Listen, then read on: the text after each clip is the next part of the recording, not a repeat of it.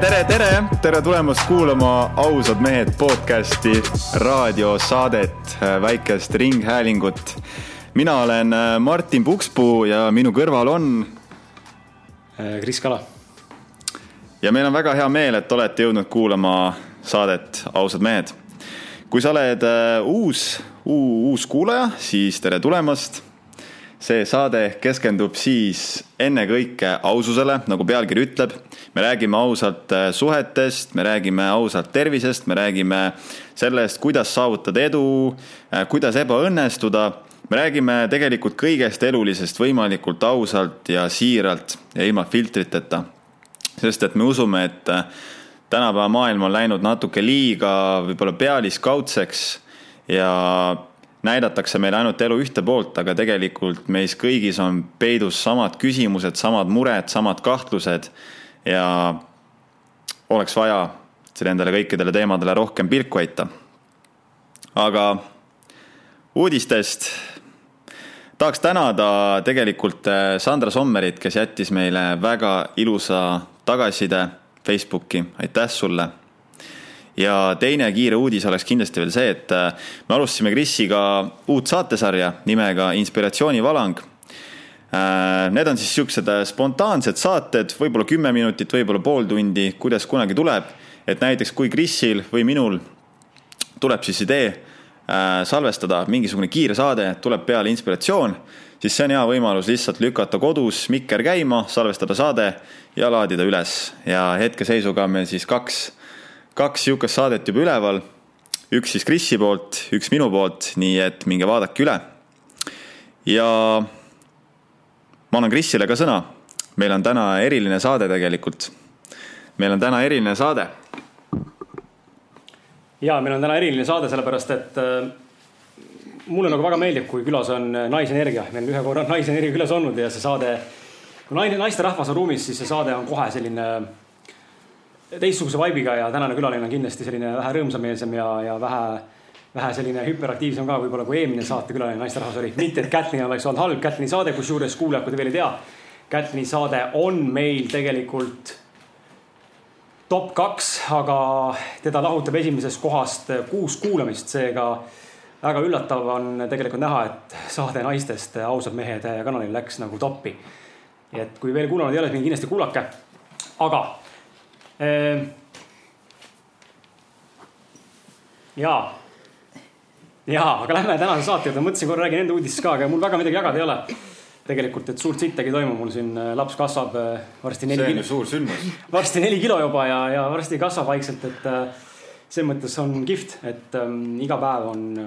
laps on Eliise ja Krisi näoga oleks, oleks imelik, oleks naabrimehe näoga aga, aga ei jaa, selles mõttes, et elu on praegu hästi sihuke rutiinne veidi isegi, et saated ja trenn ja. ja lapsega koos olemine nii palju võimalik on ja siis siin Tallinnas töö ja, ja ega rohkem ei olegi, et kirjutada ei jõua. uut raamatut ja enda muid asju ka väga teha ei jõua, kauplemine on küll igapäevane asi, aga see on sihuke. jälgime lihtsalt Pass. passiivne kauplemine, et siis jälgime, et me oleme siuksed pikaajalised investeerijad, mitte nagu igapäevased kauplejad. aga, aga ei, kõik on okei okay ja fine ja ja mis seal ikka, ilma pikema, ilma pikema mölutamiseta lähme saate juurde, sest meil on aega rääkida täpselt nii palju kui tund viiskümmend, mis tegelikult on päris hea aeg, me tavaliselt alustame suht hiljem. suts hiljem tegelikult ja tänu sellele me hakkame lõpus vuristama ja kokku tõmbama, tänast saadet küll kokku tõmmata ei tahaks, sest ma näen, Sandra kibeleb juba täiega, et tahab rääkida. aga külas on meil Sandra ja nii nagu ma endale kirja panin ka, siis tegelikult, et äh, ega Sandrat väga kirjeldada nagu ei oskagi, et mõnikord on niimoodi, et sul on külaline on ta sulle tuttav või hea sõber või sõbranna või sõber. Äh, vahet ei ole, mõnikord lihtsalt on niimoodi, et ei oska inimest kirjeldada. ja see on täiesti okei okay.. tänase saate külalise ehk siis Sandra teeb kindlasti eriliseks see, et tal on väga eriline äh,. ma ütleksin, et tal on väga eriline väljund. see, millena ennast ta on tegelikult ümber ehitanud, et mille ümber tema elu tiirleb, mis, mis valikud elus on teinud. mis ei ole kindlasti klassikaline viis, ütleme siis sellisele äh, tavalisele naisterahvale, eriti noorele tütarlapsele, kes äh,, kes sellise valiku teeks aga ta on kindlasti energeetiline, energiline, siiras, aus, sõbralik äh,. väga hea väljanägemise juures nagu alati ja, ja nii on, et ega ilma pikema jututa ma siis ütlen sulle tere tulemast saatesse, Sandra. tere, aitäh et räägi siis esimene kogemus kohe, kas on, on Martin siin näitas sulle kõrvale kas süda peksab mis tunne on siis esimest korda rääkida niimoodi äh, mikrofoni ees? No huvitav, huvitav. esimene kogemus tegelikult see ei ole, sa oled selles mõttes ikkagi eelnevalt ju äh, võistluste raames andnud intervjuusid, vastanud võib-olla mingit. kirjalikult. kirjalikult? jaa, sest okay. ma alati jooksen minema, sest kõik teavad, et ma ei taha rääkida ja siis ma lihtsalt, ma sujuvalt lähen minema, siis ma saan paar päeva hiljem mingi meili, asja, et kuule, Sandra, kas sa nüüd äkki räägiksid, mis toimus, mis tunded on? Et äh, jah, kirjalik on äh, rohkem, rohkem minu teema. vot kahjuks siin saates kirjutada ei saa, et aga võib-olla kunagi tulevikus, aga räägi mulle, miks see on niimoodi, miks sa tahad, äh, miks sa tahad põgeneda? kuhu sa põgened?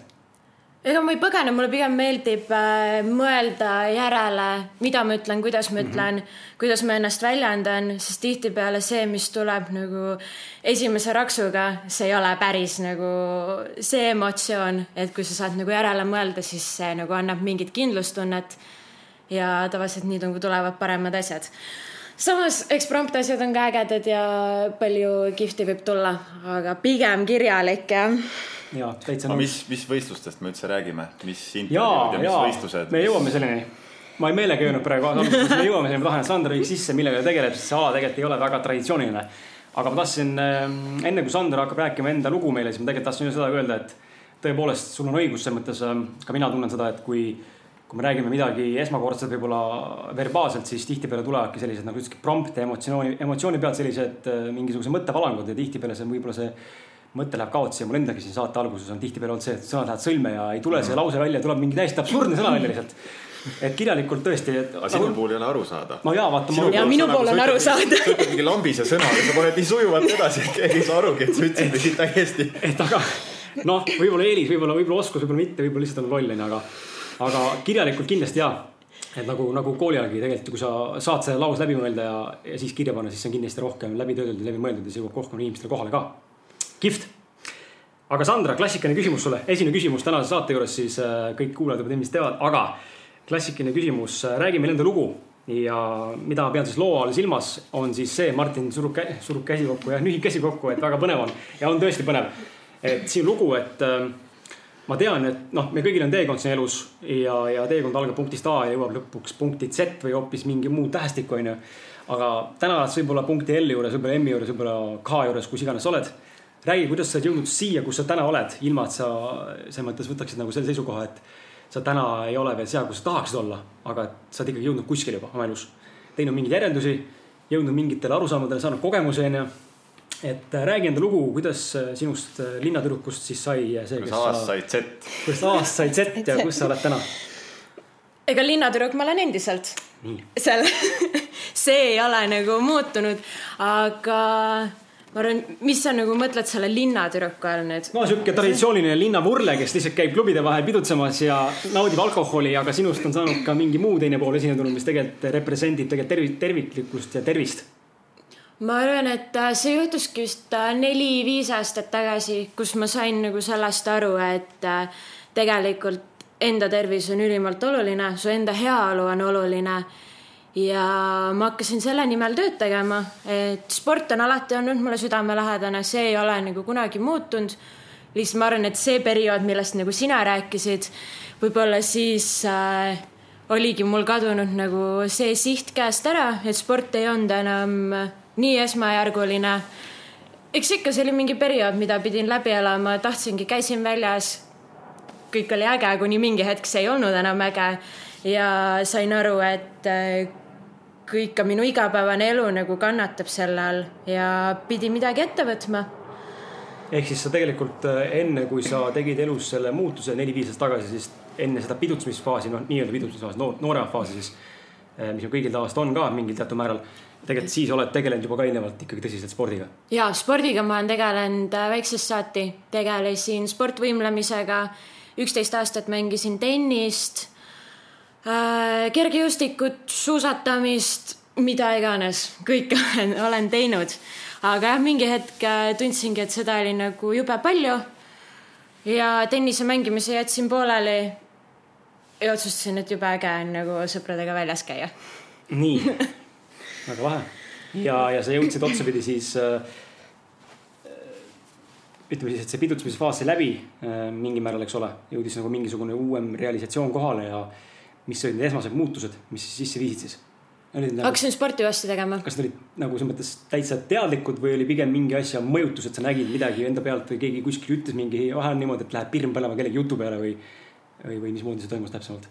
Eks äh, ma ise tundsin, et see, kuidas see, milline oli minu eluviis, see ei olnud see, mis tegelikult nagu mulle meeldib. eks ka sõbrad kuskilt kõrvalt nagu tõid välja selle, et kuule, sa ei tee enam sporti, sa ei tee enam neid asju, mis sulle enne nagu rõõmu pakkus. et mis nagu on muutunud ja ma arvan, et mul tuligi lihtsalt uuesti, uuesti leida see kirg äh, spordi vastu, toitumise vastu, reisimisega avastada uusi asju selle jaoks, kui ma siis ma avastasin enda jaoks äh, kogu selle vaimsuse teema, meditatsiooni, jooga. et eks ta niimoodi tuligi, tasapisi tuli minu juurde tagasi ja nüüd on kõik äge. teen sporti jälle. väga lahe, tegelikult on lahe kuulda, kuidas äh, nagu see kõik, ma ei tea, kas sa ise, Sandra, nagu oled nagu seda analüüsinud või nagu enda pealt ennast analüüsivalt vaadanud, aga ma tihtipeale näen seda mustrit ka enda ja teiste inimeste peal ka, et see, millega me algselt nagu tegelikult oleme tegelenud, millele vastu meil on kirg tegelikult või nagu sisimas tugev nagu sihuke soovtung, nagu sul oli sport terve elu onju, et erinevad, erinevad spordialad, aga siiski sport. see tuleb nagu tagasi ringiga alati, et me saame olgu ta siis hea või halb kogemus, me, kogemused, vabandust, siis me alati tuleme ja need tulevad alati meie ellu tagasi mingil, mingi põhjusel, see muster nagu kordub seni, kui me seda ei lahenda, onju. ja, ja kihvt on nagu kuulata, kuidas sa oled jõudnud ka tagasi selles mõttes enda alustala juurde ja kui siin vaadata, nagu Martin ütles ka siin saate, saateväliselt, et siin vaadata, siis äh, et Instagramis kajabki nagu välja selline sportlik ja sportlikkus ja seda on näha, et noh, sind julgen ma nimetada sportlaseks. ähvalt selles mõttes onju, kuigi võib-olla sa tõesti ei ole nagu professionaalne. tegelikult ma ei öelnud seda. et mina, mina, seda ütlen no mina nii, praegu. nüüd tuleb kõik valed välja. et seda ütlen, ma arvan, seda ütlen mina onju, et aga mina julgen sind nagu nimetada selleks ja ma näen, et sa oled nagu ehe, kas olgu siis hobi korras, mitte hobi korras, aga sa oled nagu inimene, kes kannab seda sportlase nagu tähendust edasi. Võib-olla jah, ma pole ise seda nagu enda jaoks niimoodi defineerinud, sest minu jaoks on see elustiil. see on see, mida, mida ma tahan kõik päevad teha, see on see, mis mulle meeldib. aga mis äh, spordini sa oled siis tänaseks jõudnud? või mis, mis spordialasid sa oled viimastel aastatel aktiivselt harrastanud ja mida sa täna teed?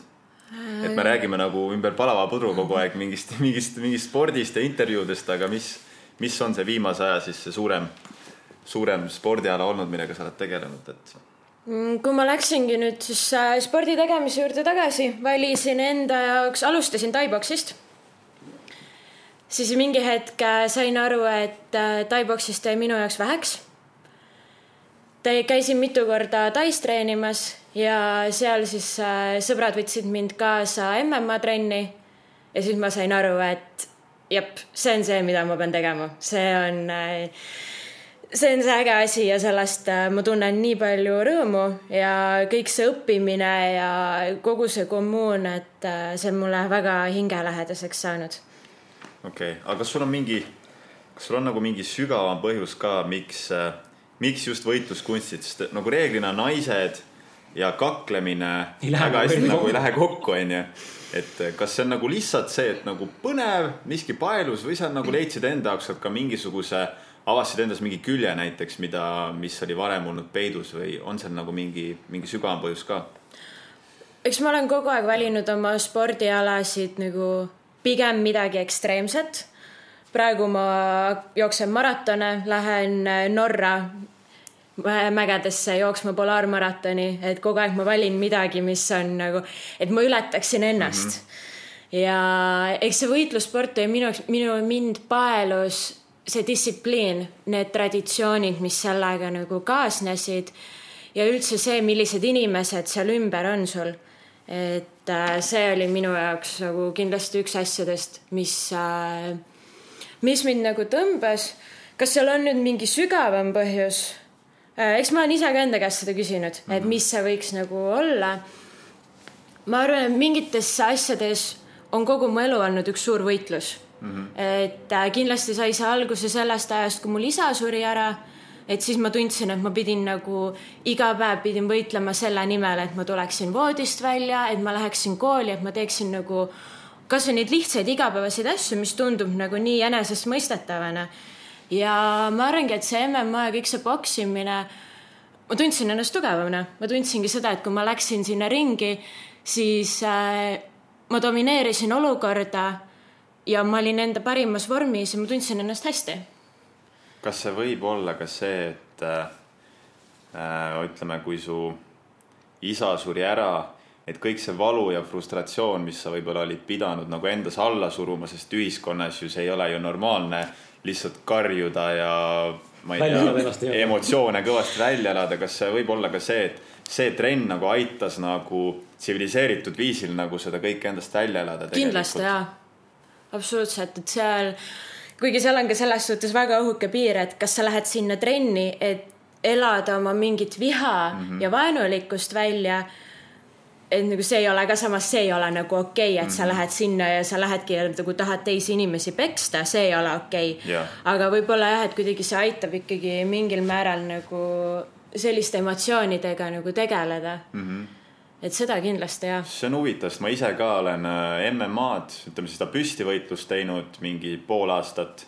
tahan tagasi minna kindlasti ja nüüd siis äh, jõudsin tagasi ka järjega Brasiilia Jiu-Jitsuni ja ma, ma tunnen nagu enda jaoks ka just seda, et see, ma ikkagist, ma saan nagu ligipääsu nendele allasurutud tunnetele, mis minus on, et, et mingisugused hirmud ja mingisugune viha ja et noh, kasvõi, kasvõi viimane trenn, kui me sparrisime Jiu-Jitsus ja oli mul siis vastane, kes oli siis umbes samal tasemel, aga minust raskem.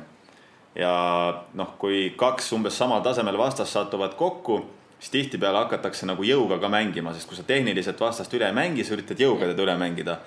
ja ma mäletan, et minust nagu, minust tuli nagu mingi raev üles, ma mõtlesin, ma tahaks nagu peksma teda hakata, selle asemel, et temaga edasi maadelda ja nagu selles mõttes on nagu äge, et kõik need allasurutud tunded tulevad üles ja nendega saab siis nagu teadlikult tegeleda, et. seda ja ma olen täiesti nõus selles osas aga just, et sa peadki nendega nagu õigesti tegelema et mitte see, et sa lähedki ja elad siis nagu kellegi kolmanda isiku peal, kes ei ole üldse asjaga seotud. Lähed siis nagu elad mingi oma viha nagu välja. et see, see on jah oskus omaette. äge. väga huvitav jah. huvitav nagu kuulata seda, kuidas äh, inimesed on nii erinevad lihtsalt nii haige kuulata nagu, mitte haige, aga selles mõttes hea ja lahe kuulata teid mõlemast, saate nagu aru, millest te tegelikult räägite ja toetute tegelikult samadele paradigmadele mina samal ajal nagu tunnen, et noh, ma saan aru, millest räägitakse mm., aga mina näiteks ei tunne. puudub see isiklik kontakt sellega. puudub see isiklik sihuke asi, ma olen teinud tai-boksi, karateed onju, aga ma ei ole mitte kunagi olnud eh, üheski sellises spordialas nagu võitlushimuline. et minus ei ole sees seda, ma lähen nagu ma tahaks nagu võita ringis. et see on nagu nii huvitav, et inimestel on see nii erinev. aga tegelikult minus ka ei ole, minus on see iseendaga võitlus. ma tahan iseendast mm -hmm. kogu aeg võitu mm -hmm. saada. iseendast parem versioon on mulle just meeldis see, mis Sandra tegelikult ütles, ta ei öelnud küll sama sõna, aga, aga just see, iseendast nagu, et see iga nagu sihuke see isa, pärast isa, isa surma need sündmused, kuidas oligi siis voodist üles tõusta ja olla nagu jälle normaalne inimene, onju, saada ennast vormi. Eh, et see just see, et see, see distsipliin, see tahtejõud olla nagu tugev ja olla nagu suuteline võita iseennast iga päev nii-öelda, olla iseenda parem versioon. mulle kohe meeldis Andy Frisella ja Win the day onju mm. -hmm. et oluline võita üks päev, ärme mõtle selle peale, mis on homme või mis on nädala pärast, mis on kuu pärast. oluline võita täna ja praegu olla hetkes onju et loomulikult planeerida tuleb, see on selge, onju, kuhu sa tahad jõuda, teha tööd selle nimel, aga nagu võid võtta üks päev korraga, teha see nii, et sul on hästi. et äh, väga lahe, et ma arvan, et see on kindlasti, noh, me ei ole kumbki Martiniga spetsialist, aga ma arvan, et see on kindlasti väga hea omadus sul samamoodi naisterahvana ka.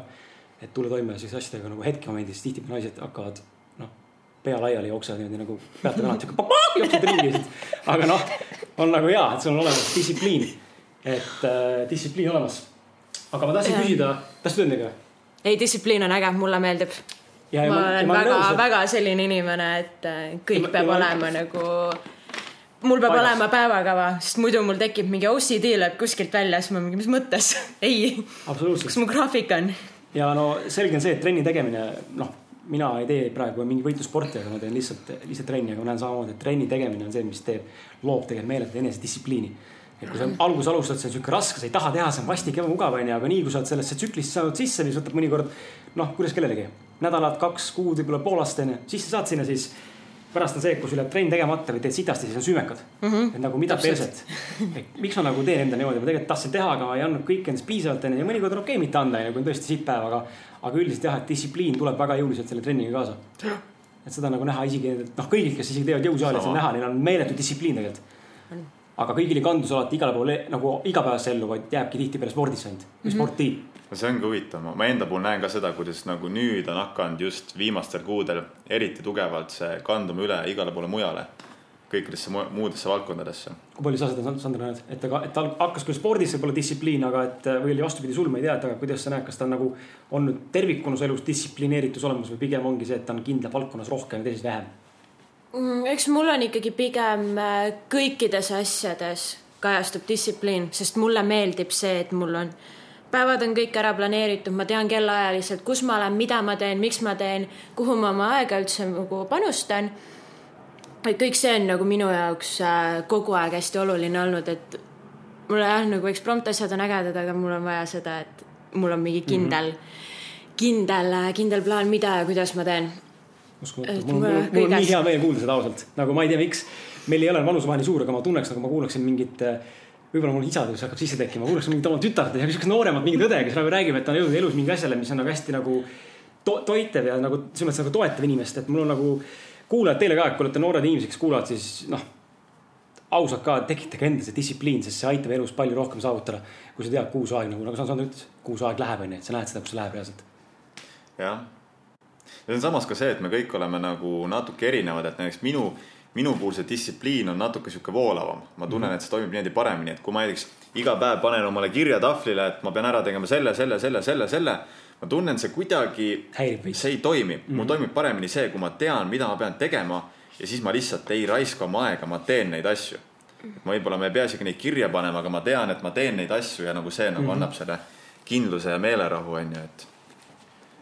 Aga tegelikult ma tahtsin küsida, et äh, noh, mina nüüd alles tutvusin sinuga siin saates, onju, et kui ma vaatasin su Instagrami, algus on hea, algus on hea. siis, siis mulle tundus, et äh, mis mul nagu kohe, mul tekkis nagu selline tunne, et sinus on hästi tasakaalus nagu selline mehelik ja naiselik energia.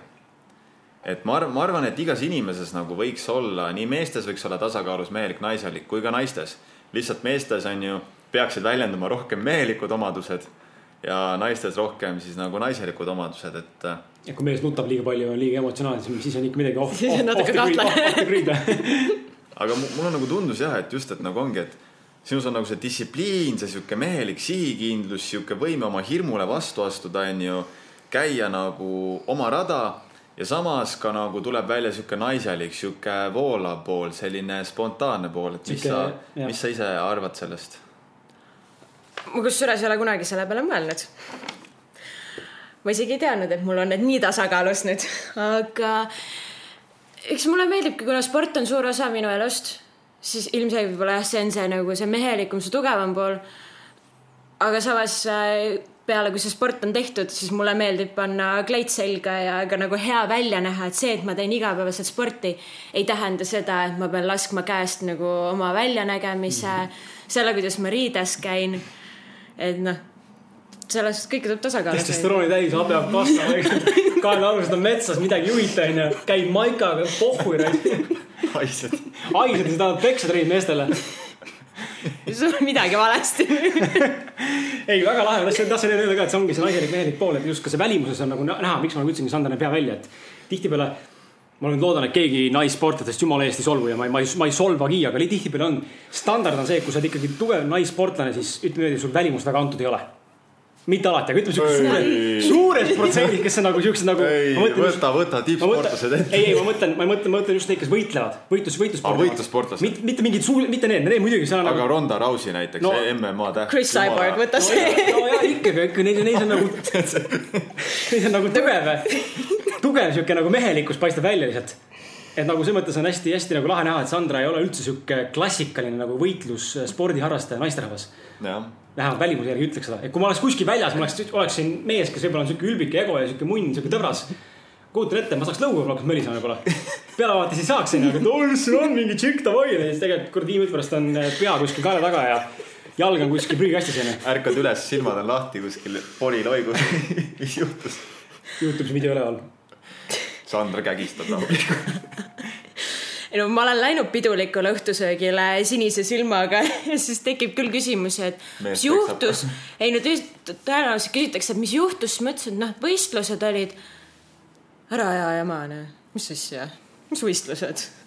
et noh, enamus ongi see nagu reaktsioon, et mm. -hmm. mis võistlused? pingpong, ei olnud nii kõvasti. Squash, tennisepalliga aga on sul nagu rääkides nüüd tulles tagasi eelmise teema juurde, et on sul olnud situatsioone, kus äh, noh, mitte et selle mehega kätt pidanud kokku läinud, aga et reaalselt keegi üritab nagu sind provotseerida nii-öelda, teades, et sa tegeled sellega või on saanud hästi teada seda?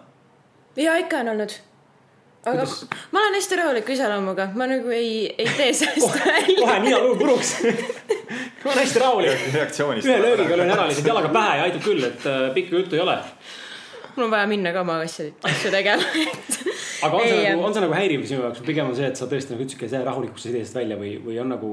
no üldjuhul sellised inimesed ei kuulu minu tutvusringkonda mm -hmm., ehk siis tõenäoliselt see ongi, ma nägin seda inimest esimest viimast korda.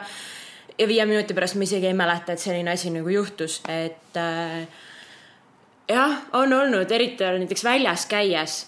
et kui inimesed on juba natuke joonud ka tuleb teemaks, et noh, et mis ma spordina teen või et noh, näha, nähakse, et ma olen nagu pigem atleetliku kehaehitusega mm. -hmm. siis ma ütlen, et noh, tegelen MM-aga ja siis tulevad jah, mingid nõmedad naljad ja umbes, et noh, näita, mis sa oskad, siis ma juba, et ei, lähen, aitab. näita, mis sa oskad, see on siuke tüüpiline, siuke stereotüüpne vastus. oi jah, täitsa haige värk tahtsin selle idamaade, sa rääkisid Tais, Tais korra mainisid Taid ja, ja tegelikult äh, võib-olla läheks selle Tai juurde ka, et sa ütlesid, et Eesti taiboks ei olnud, äh, vabandust, mitte Eesti taiboks, taiboks ei olnud piisavalt äh, intrigeeriv nii-öelda sinu jaoks. lõpuks jõudsid tee siis, leidsid tee MM-ani ja Brasiilia Jiu-Jitsuni, aga, aga räägi võib-olla mm,, kuidas sa jõudsid oma otsaga selleni, et alustuseks küsin võib-olla, kelle juures sa treenisid Eestis, mis spordiklubiga, Sparta või? Kevin Renno. okei okay,, Kevin Renno, no Renno iseenesest on ju väga tubli inimene selles mõttes. väga, jaa. mul isa on Renno juures treener annab väikestele poistele ja täiskasvanutele vahepeal ja noorukitele trenni. Äh, aga ta ei ole professionaalne nagu selles mõttes ise nagu noh, terve elu trenni teinud, aga kuidagi sattus niimoodi, et sai hakata Renno juures töötama mm.. et äh, Renno on jah kihvt vend, olevat. et aga, aga, aga miks just Tai, ma saan aru, et noh, see kultus on küll Taimaalt pärit enamasti mm, -hmm. nagu aru saan, aga, aga siiski, et nagu kuidas nagu. et kui ma olen täna, olen inimene, kes tunnen Tai-boksi juurest huvi räigelt onju nagu tundsin tookord ja ja tunnen, et ai raisk, et tahaks minna Taisse õppima, kuidas see nagu välja reaalselt näeb, et nagu kuidas sa leiad need koolid, need kohad, kas seda on äh, treenerid organiseerivad, ise organiseerid või räägi veidi selle poole pealt ka äh,. eks ikka kõige parem on, ma arvan, et treeneri käest nõu küsida, kuhu minna, sest ähm, enda kogemust võin öelda, et enamus, kes Eestis seda teevad, ka nemad on Tais käinud ja nad oskavad soovitada, et kuhu minna ja kelle juurde minna. ja tõenäoliselt on ka tutvusi siia. just, aga mm, mina pigem esimest korda läksin lihtsalt sõpradele külla, kes äh, elavad Phuketis, sõidavad wakeboard'i äh,. otsustasin nende juurde minna lihtsalt talvel puhkama ja siis juba seal olles nagu mõtlesin, et noh, kui juba olen, teen trenni ka. ja esimest korda siis käisin äh, nende kodu lähedal ühes klubis treenimas, väga äge oli, kõik kohalikud, seal käis hästi palju kohalikke, et ta ei olnud nagu nii turistiklubi mm. -hmm hakkas meeldima. veits aega hiljem läksin uuesti tagasi, siis ma juba valisin ise endale klubi välja, tegin natuke eh, sihukest research'i. Phuketis äh, üks äh, tunnustatumaid klubisid on Tiger Muay Thai ja MMA ja läksin sinna treenima. seal oli täiesti nagu kodu väga-väga äge, seal käivad UFC fighterid treenimas, et palju selliseid inimesi oli näha, et äh, see oli väga vinge kogemus ja nüüd olengi seal käinud kolm korda treenimas. okei okay., kui palju on, äh, kui palju sa näed nagu võib-olla ka ütleme, ütleme nagu spordi mõttes ka, lisaks nagu treenitustasemele ja võib-olla ka professionaalsusele võrreldes Tai-boksi klubisid siis Tais ja võib-olla Eestis, aga ka seda, milline on see mindset nagu selle ümber, kas see on, kas seal on nagu mingisugune sihuke nagu täiesti kardinaalne erinevus nagu maailmavaadetes ka, kuidas seda asja tehakse, et eh, kas tehakse südame kirega või lihtsalt hobi korras või nagu kuidas see, et kas seal on tunda mingit sihukest teistsugust nagu sihukest vibe'i või sihukest nagu, et oh, türa, ma õppisin sitaks siit. või et pigem on see, et kõik sõltub sinust endast ma arvan, et seal on inimesed teistsugused just selles mõttes, et need, kellega mina siis konkreetselt koos treenisin Nad on professionaalsed fighterid, kes elavad seal, nad elavadki selle nimel, see on kogu nende elu. Nad käivad iga päev trennis. et äh, nad on lihtsalt nii sellest ümbritsetud, et kui ma vaatan näiteks siin trenni minnes, siis ikkagi kõik, kes käib töö kõrvalt, kes mm -hmm. käib kooli kõrvalt. et see ei ole nagu nii, äh, nii suur kommuun, aga seal oli see, et noh, kõik elavad sealsamas lähedal. et enamus need, keda sa trennis näed, on ka koju minnes sul naabrid või elavad üle tee et seal oli täiesti jah, nagu oma, oma selline punt, kellega siis nagu koos treenisid, koos sõid, käisid õhtul väljas, käisid vahepeal ringi reisimas, et hästi äh,, hästi selline tugev ja nagu kinnine, kinnine ühiskond. ja see oli see, mis tekitas minus selle tunde, et ma tahtsin seal olla sest kõik töötasid ühtse eesmärgi nimel, mhm. keegi meist läks võistlustele, me kõik aitasime tal treenida.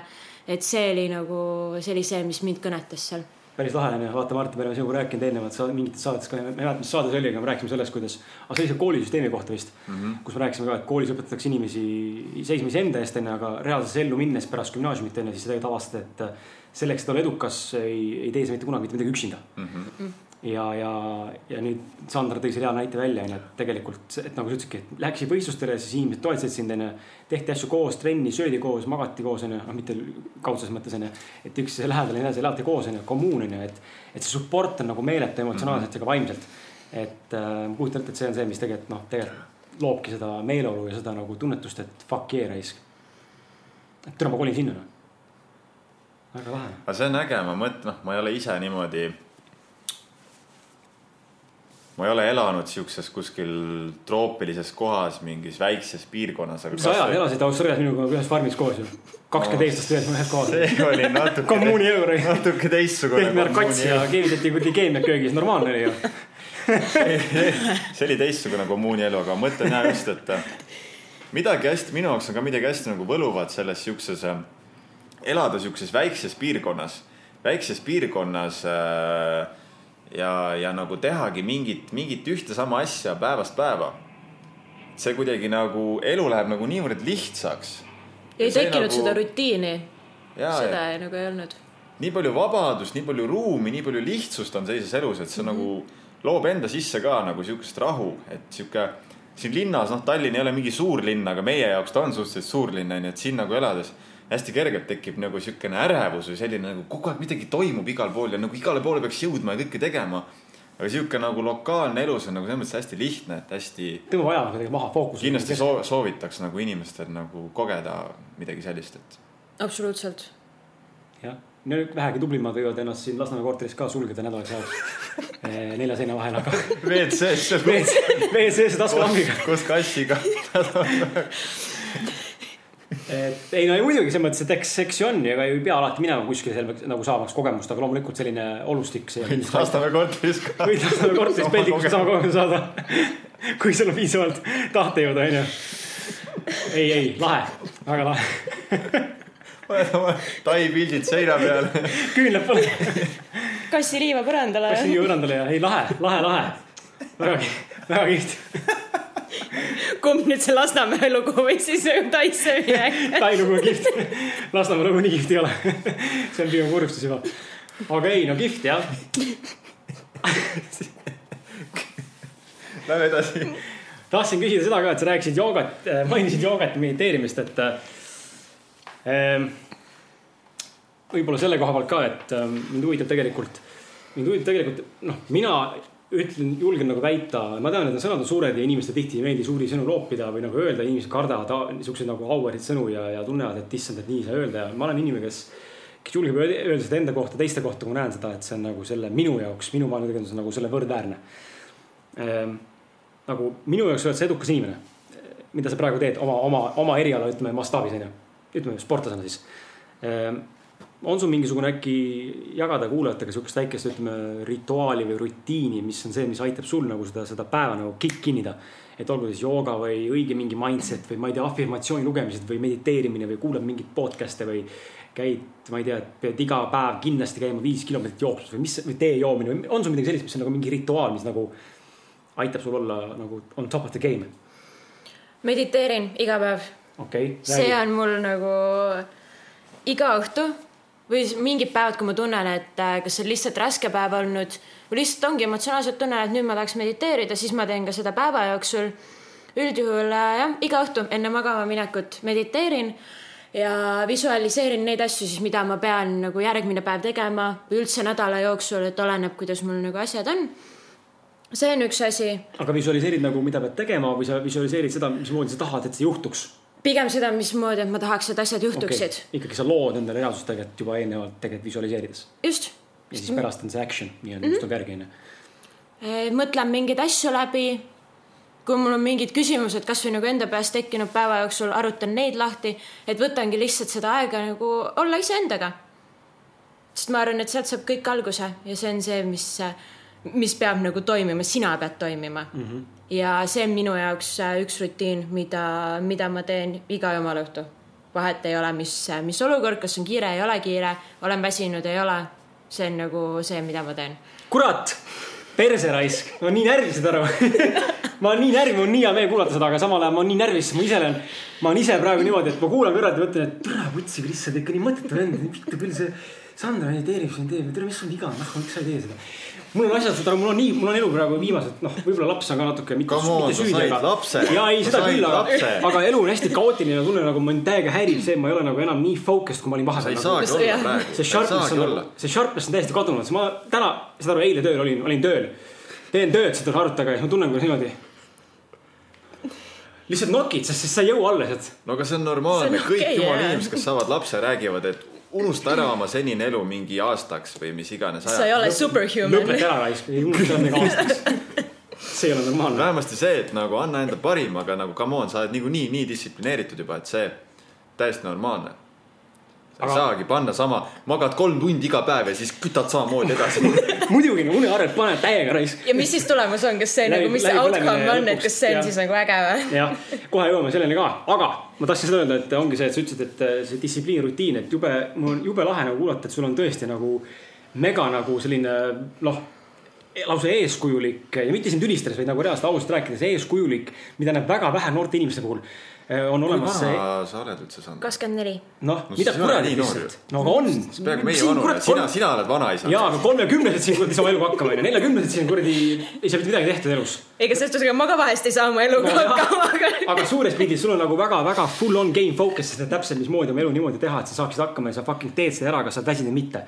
ja see on see oskus, mis inimestel puudub ja aga minu meelest on see, et kui nagu mingi hetk mina olen jõudnud sellesse punkti, kus ma saan aru, et ma ei saa oma asjadega nagu hakkama, siis see downfall on nii palju suurem mm, -hmm. sellepärast et ma olen harjunud olema seal kuskil üleval ja siis, kui nagu tekibki see, et mul mingid asjad nagu jooksevad kokku, mingid asjad ei lähe nii, nagu ma tahan, siis minu jaoks see downfall on nii palju suurem ja siis tekibki minul see küsimus, et oota, mis mõttes. miks ma, miks ma nüüd ei saa hakkama või et äh, mida ma nüüd valesti tegin, et kui ma ju kõiki asju tegelikult nii nagu planeerin ja mõtlen välja ja et noh. see on, see on mul praegu täpselt sama küsimus, mida vittu ma valesti teen lihtsalt. päev jääb õhtusse ja mõtlen, et mida ma tegin täna siis. sa tead vastust. alles oli hommik, nüüd on õhtu juba. Krisi puhul on alati see, et ta teab vastust ja, ja kõik teavad vastuseid, nagu Sandra ütles, kõik me tegelikult enda sees olemas ja vastused on tegelikult enda sees olemas. lihtsalt tuleb endaga aus olla, et äh, ma arvan, et sa ise oled näinud enda puhul seda, et mida ausam tegelikult sa endaga oled, seda rohkem hakkad oh, tegema seda sitta üles kerkimas. samas on ka positiivseid asju, mis hakkavad tulema ja looma sulle uusi asju. see ausus ei ole vahest üldse äge, aga see on see, millega sa pead millega sa pead seisma silmitsi. sina ka, Kristjan ei no üldse, ma mõtlen, inimesed peavad sellega tegelema. et selles mõttes nagu, et see on nagu, on asi tõesti, et see on nagu sa ütlesidki, et see ei ole üldse äge tegelikult mõnikord. olla endaga aus ja öelda endale, et üle, sa oled sitt lihtsalt. aga. aga, me mainisin, ma mainisin sõna läbipõlemist. jah. me tahame seda lugu kindlasti kuulda. sa ise põgusalt mainisid ka praegu sedasama asja, et äh, kui asjad kuhjuvad ja lähevad risti ja lähevad kihva nii-öelda, et siis on see kukkumine väga valus. Räägi võib-olla see lugu, enne kui sa jõuad nagu selle loomi, kus oli, looni siis, kus sul toimus läbipõlemine, räägi siis võib-olla võtame niimoodi, ma ei tea, no suures pildis ma ei tea, mis, mis ajaraamistikus juhtus sul, aga ütleme nagu sündmust teada kolm-neli etappi eelnevalt, kus juba hakkasid nägema seda võib-olla või, või tagantjärele mõeldes, et näed seda, et hakkas nagu kerkima see läbipõlemine ja siis juhtus.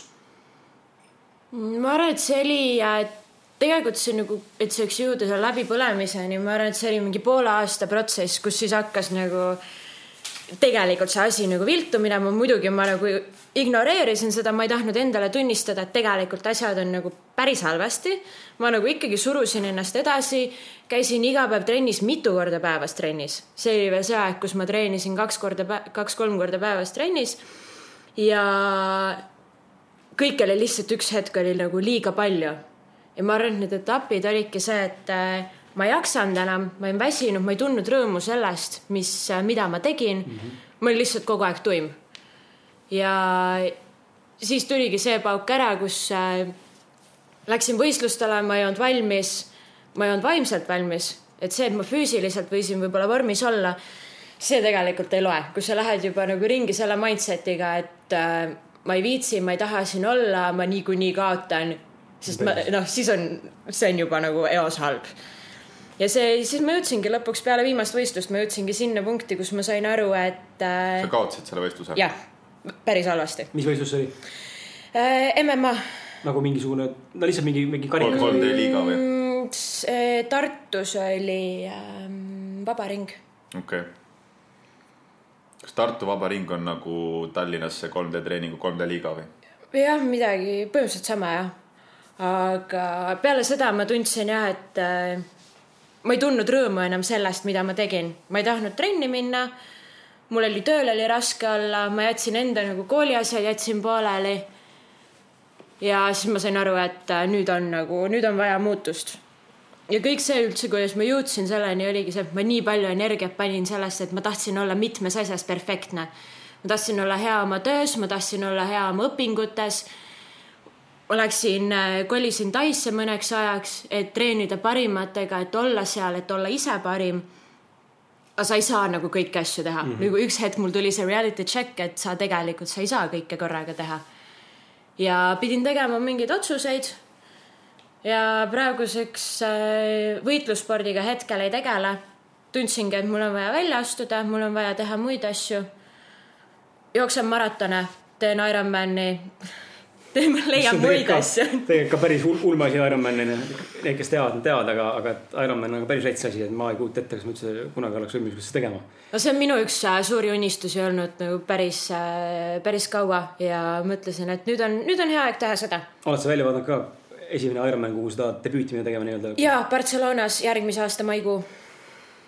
Äkki kuulajatele põgusalt räägid ka, mida Ironman endast kujutab? Ironman on ultratriatlon ehk siis äh, lõppkokkuvõttes tuleb äh, läbida, see on siis kolm koma, kolm koma üheksa kilomeetrit oli äkki ujumist lahtises veekogus. Sada kaheksakümmend kilomeetrit ratast ja siis täisjooksumaraton ehk siis nelikümmend kaks kilomeetrit jooksu lõppu. uh,. jooks ja ratas, ma olen siuke nagu ma olen nõus treenima, kui ujumine, esiteks ma ei oska ujuda, onju. ja mul tekib kohe, mul on kohe siuke nagu, et kuidas ma peaks selleks treenima üldse ja kus ma üldse alustan?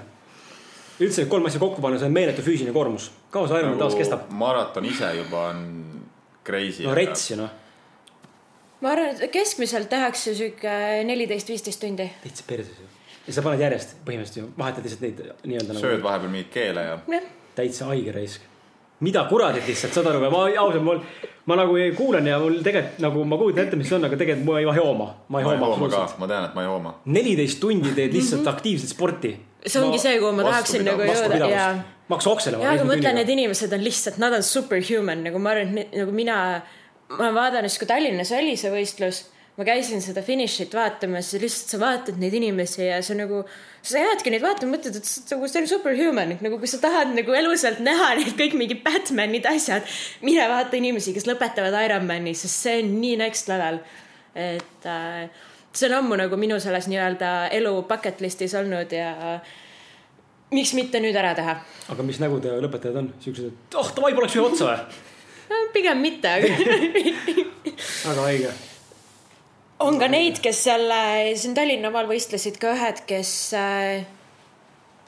kes siis läbivad, tahavad läbida ära põhimõtteliselt kõik Ironmanid, mis toimuvad. ehk siis nad tegid selle Tallinna oma ära, nad läksid sama õhtu lennuki peale ja kaks päeva hiljem oli kuskil Šveitsis äkki.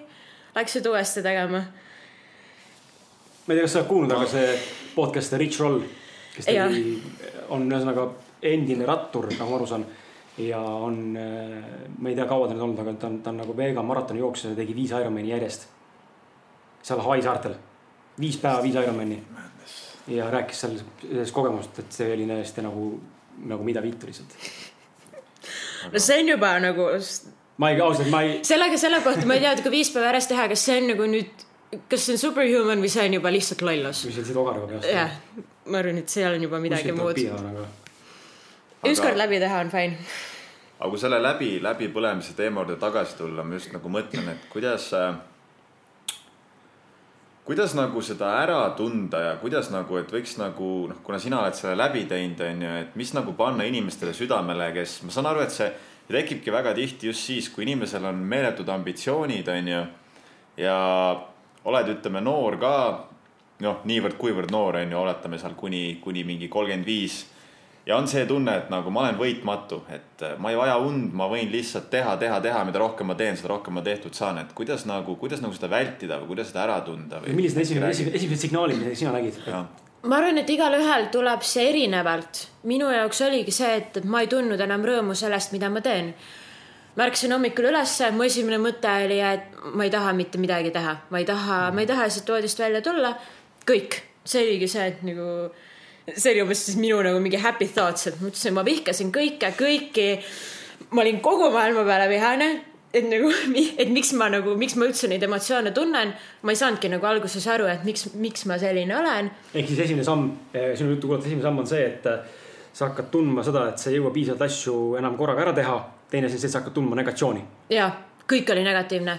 mingi kasvõi mingid pisiasjad, mis juhtusid kohe mul nagu mina, mina enda sees nagu võimendasin nii hullult üle. ma kallasin kohvikruusist mööda, sest see oli juba minu jaoks oli maailma lõpp, nüüd on kõik nagu ei, tänane päev on nagu läinud, enam ei ole nagu ei ole võimalust. ja siis mul juba nagu eos oli see, et kogu päev oli lihtsalt, lihtsalt pekkes noh see oligi minu jaoks, ma arvan, et see ma hästi-hästi pikalt nagu eitasin kõike seda, mis nagu toimub. sõbrad tulid mitu korda mu juurde rääkima, et kuule, Sandra, nagu lõpeta ära need trennid, nagu tee pausi, siis nad nägid ka seda, et noh, ma läksin trenni vihasena, ma olin trennis vihane, ma olin kõigi peale seal kuri. ei võitnud umbes sparringus kohe jälle maailma lõpp, kõik on läbi, ma ei tule enam trenni. et noh, oligi see, et kõik oli lihtsalt nii negatiivne, kui üldse saab nagu võimalik olla. võimalikult äärmuses. jah et see oligi, see oligi see nii äärmuses elamine. samas nüüd, kui ma vaatan nagu tagasi selle peale, siis ma mõtlen, et mis sul viga on miks, miks sa sihuke olid? mille nimel? nagu ja, et aga ongi see, et ma olin nagu kuid olin lihtsalt nii vihane kõige peale. ja lõpuks ma hakkasingi aru saama, et, äh, et nii, nii, nii lihtsalt nagu ei ole võimalik edasi minna ja eks ma mitu korda nagu noh, jõudsin juba vaimselt sinna punkti, kus mul oli okei okay olla. aga samas ma kukkusin tagasi see käis nagu hästi mitu korda, et ma kukkusingi pidevalt tagasi. jälle põhimõtteliselt alustad nullist, jälle alustad sellega, et nagu kuidas sa ärkad hommikul ülesse. sa tunned rõõmu ja sa oled rahul ja sa ei lähe iga asja peale närvi, et see oli juba minu jaoks nagu suur saavutus, kui ma suutsin nagu ollagi terve päeva nii, et kõik oli okei okay., ma ei pidanud olema mingi üliõnnelik asjade üle, aga just see, et nagu kõik oli okei okay.. et see oli juba, see oli juba hästi noh, nüüd ma mõtlengi nagu vaatan neid sündmusi, et nagu mida ma tegin, kuidas ma käitusin. mõtled peast täitsa lollakas ikka. aga kas sa suudad äkki minuti meenutada ka või kui sa just teadlikult teinud tol hetkel, aga et mm, et okei okay,, et läbipõlemine, ma saan aru, ma teadvustan endale, et midagi on perses, ma olen omadega põhjas mingil määral emotsionaalselt ja ka füüsiliselt ei jaksa enam. mis on need sammud, mida ma nüüd tegema hakkan, ma saaksin minna tagasi sinna, kus ma tegelikult olin, sa ütlesid, sa käisid nagu edasi sai minna ja uuesti kukkusid ennast nagu tajusid ära selle, et sul on pidev nagu see sihuke nagu mustris kinni nagu vanglas olemine mm, -hmm. aga et mida sa nagu hakkasid tegema selleks, et. et kui kuulaja nüüd kuuleb, et võib-olla mingi väiksed tipid ka, et nagu mida sa, mida sa nagu, nagu nägid, et kuidas sellest nagu välja tulla? no minu jaoks oligi see, et ma astusin välja, ma lõpetasin ära siis võitlusspordiga tegelemise. töö juures vahetasin töökohta.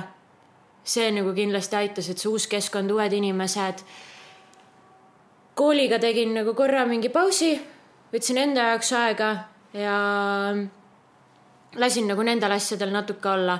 et lihtsalt oligi see, et ma pidin astuma nagu kõigest välja ja laskmagi endal nagu paraneda, endal nagu kõigepealt saada korda ja siis ma nagu hakkasin uuesti sporti tegema, mind väga aitas äh, mu treeningpartner, kes on täiesti imeline inimene, kes oligi see, et kes vaatas mulle otsa, ütles, et Sandra, me lähme maratoni jooksma. ma ütlesin, okei okay,, lähme. jällegi see, et, et see nagu paningi endale mingid eesmärgid. samamoodi see, et, et ma ei läinud nagu jõusaali, nii et noh, trennis tahtsin ikka käia, otsustasin, et hakkan jõusaalis käima, hakkan jooksmas käima. et ähm, ma ei läinud sinna nagu lihtsalt nagu rapsima tühja, vaid äh, lasingi siis oma treeningpartneril teha endale mingid kavad, asjad. koos vaatasime asju läbi et see, et mul hakkas nagu vaikselt see mingi distsipliin ja mingi äh, režiim nagu tulema, et noh, käisin trennis, mul oli struktureeritud kava. kooli asju tegin ka nii, et äh, panin endale mingid eesmärgid, mida ma pean tegema, kuidas ma pean tegema, millal pean tegema. et vaikselt nagu hakkasingi neid asju, asju lihtsalt kokku panema. ja ma arvan, et sport oligi see, mis mind nagu ikkagi päästis, et see, et me hakkasime neid äh, maratone jooksma et see oli minu jaoks see, mis aitas nagu, aitas edasi minna. kui pikk periood sul see kokku oli? ütleme siis nagu läbipõlemise algusstaadiumis esimeste signaalide tundmises läbipõlemise nii tsüklis pidevalt olek ja väljatulek? ma arvan, mingi pool aastat. okei okay.. ikka oli päris äh,, eks seal oli ka see, et oli paremaid aegu, oli häid nagu halvemaid aegu. et see ei olnud see, et nüüd see pool aastat oli pidevalt see, et kõik oli pekkis ja halb mm -hmm. ja ei, pigem, et äh, jah, kuidagi nagu sihuke, et kõik oli hästi, siis oli jälle halvasti, et see kõikumine. siis Martiniga mõlemad terve see aeg, kui me sind kuulasime, noogut-, vaata üks on noogutamas niimoodi mm -hmm.. äratundmisrõõm on suur selles mõttes, et minul on ka läbipõlemisi olnud mitte küll spordiga, aga nagu üldse elus, et ja mind just paelus praegu see, et äh, sa ütlesidki, et see kõigest väljaastumine, et nii teadlikult, vaimselt kui ka füüsiliselt enda keskkonna vahetamine, selles mõttes väga palju aitab inimesi. ja see ei ole, tihtipeale öeldakse selle kohta, et see on põgenemine. Ma arvan, et see ei mm. ole, kui see tegelikult on olemas. see on julgus, see on tegelikult meeles muuta ennast, sest sa näed, et asjad on päris. see on nagu, see on seesama teema, mis me rääkisime ebaõnnestumise saates on ju, et see on nagu ühiskonna silmis justkui ebaõnnestud mm. -hmm. et kui sa oled mingi high achiever, kes tegi kõike ja nüüd järsku sa lihtsalt nagu justkui annad alla, mm. onju, oled ebaõnnestuja. et noh, täpselt samamoodi see minu see kogemus on ju, kus noh, ma ei nimetaks seda läbipõlemiseks, aga nagu ka, kui ma töötasin restoranis, ma tundsin, et ma vihkan seda tööd või nagu mitte vihkan, aga et see lihtsalt ei sobi mulle, see lihtsalt imeb mind tühjaks täiesti. nii füüsiliselt kui vaimselt ja, ja ma ei saa enam tegeleda vabal ajal tegelikult sellega, mille vastu mul on kirg, sest ma olen lihtsalt tühi, vabad mm -hmm. päevad ma lihtsalt taastun ja siis ma tegin ka selle sammu, onju, et ma võtsin need töötuks, ma kolisin ema juurde, võtsin aja täiesti maha. ja läksid õppima treeneriks? või hakkasid tähendab siis? ja mina eelmine aasta läksin Lõuna-Euroopasse autosse elama kolmeks kuuks mm.. Sellepärast, et tundsin ka, et vihkan lihtsalt. aga ei huvitav jah ja mitte ülekantud tähenduses, selles mõttes meis keegi tegelikult ei vihka enda elu. tegelikult asjad ei ole nii hullud, aga tol hetkel sulle tundub, et nagu, et fuck my life lihtsalt. sa lihtsalt tunned, et kõik on nii tasakaalust väljas ja nii ei saa edasi minna mm, -hmm. nagu et see, siin ei ole nagu see, et sa sama teed kuidagi jõuad sellest välja, vaid sa pead lihtsalt mm -mm. kardinaalselt muutma, onju. ja tihtipeale vaata aususest rääkides tegelikult, tuues nagu aususe juttu tagasi selle, selle nagu jutu nii-öelda kombosse, et inimesed tegelikult vist ei taha nagu mõista või ei taha tunnistada, et tegelikult on ju nagu Sandragi on siin eelnevalt maininud korduvalt ja me oleme teinud seda ka saadetes kõik saab alguse meist iseendast, ehk me tihtipeale ootame nagu välju, nagu välisest keskkonnast mingit muutust või mõjutust, et nüüd me saaks nagu minna paremaks. et miks keegi ei aita mind umbes saada üle mul sellest läbipõlemisest, see on fucking meie enda, enda töö tegelikult kõik. ja kui sa ei suuda endast kokku võtta, endaga tegeleda, siis sa lihtsalt oledki seal sitas augus on kõik. on nii, Sandra? oi, absoluutselt, jaa ehm, reisimist mainisid, sa oled meil reisihimuline kas sa oled pikemalt äh, plaaninud äh, mõelda ka niimoodi, et sa lähed kuskile pikemaks elada, elama nagu te, umbes minnakse siin Austraaliasse või noh, mitte peab farmi tööd tegema minema, aga äkki võtad mingi working holiday viisa ja oledki seal paar aastat näiteks? no ma eelmine aasta selle mõttega Taisse läksingi. aga see jäi natuke lühemaks mul, aga nüüd ma ja uuesti, uuesti vaatan neid variante ja ma arvan, et lähima pooleteist aasta jooksul on see plaan, et äh, minna ja olla kuskil, kuskil mujal. oled sa mõelnud ka, on mingid, mingid riigid siuksed salamisi sihil nagu umbes, et seda kindlasti võiks minna kogeda pikemat aega? no mul see Aasia on ikka südamelähedane mm. -hmm. et Phuket on minu jaoks juba see, et kus äh, kodu. mul on sõbrad seal ja.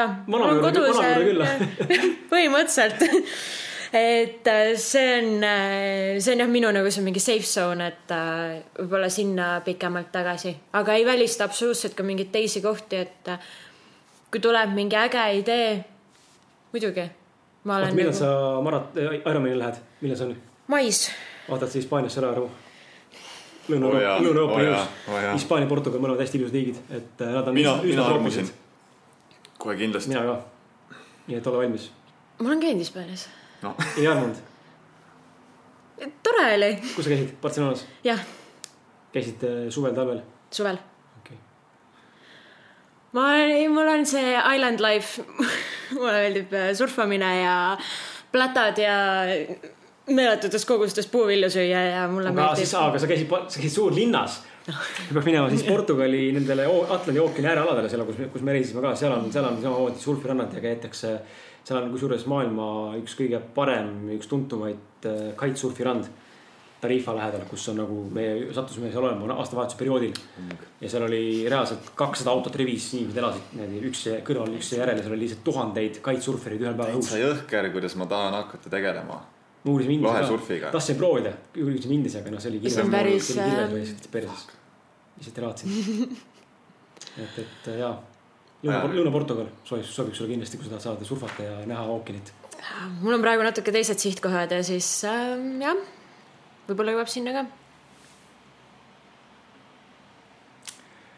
võtaks ühe tiibi küsimuse, võta, me olemegi tiivid, väga tüüpid. et äh, aga veidi positiivsem, Martin. Hakkab paistma äh, negatiivne või? ma just niimoodi mm.. mis on sinu jaoks kõige olulisem elus, mis on nagu number üks äh, aspekt, mis kõiki sinu tegemisi ja sinu elu juhib nagu sihuke kõige laiemas perspektiivis üldse nagu, mis juhib sind, mis on see, mille suunas sa liigud elus? Tahad sa äkki mõnda näidet tuua ka? nagu no küsimus. minu, minu puhul näiteks on vabadus mm. Mhm. -hmm. igal tasandil vabadus, vaimne vabadus, emotsionaalne vabadus, finantsiline vabadus, vabadus oma kehas okei okay,, see on päris hea. ma arvan, minu jaoks on äh, armastus. armastus iseenda vastu, armastus selle vastu, mida sa teed. armastus nende või nende vastu, kes sinu ümber on, kes sinu teekonnal sinuga kaasas käivad.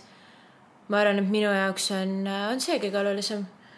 et ma, et sellest tulebki nagu, sellest saab kõik alguse, et kui sa armastad iseennast, sa oled iseendaga rahul, seega kujundab selle, milline on sinu, sinu maailmavaade, millest oled sina ümbritsetud. ja kui sa ei armasta iseennast, siis miks peaks keegi teine armastama sind? just, onju, just. väga õige, nii et armastad iseennast. jah, väga tubli, väga tubli. Sest tihtipeale inimesed ütlevad selle kohta, et issand, sa oled nii ego, aga no inimesed See ei ei ole mõista ego., see ei ole ego, see on hoopis teistsugune lähenemine, see on arvan. jah,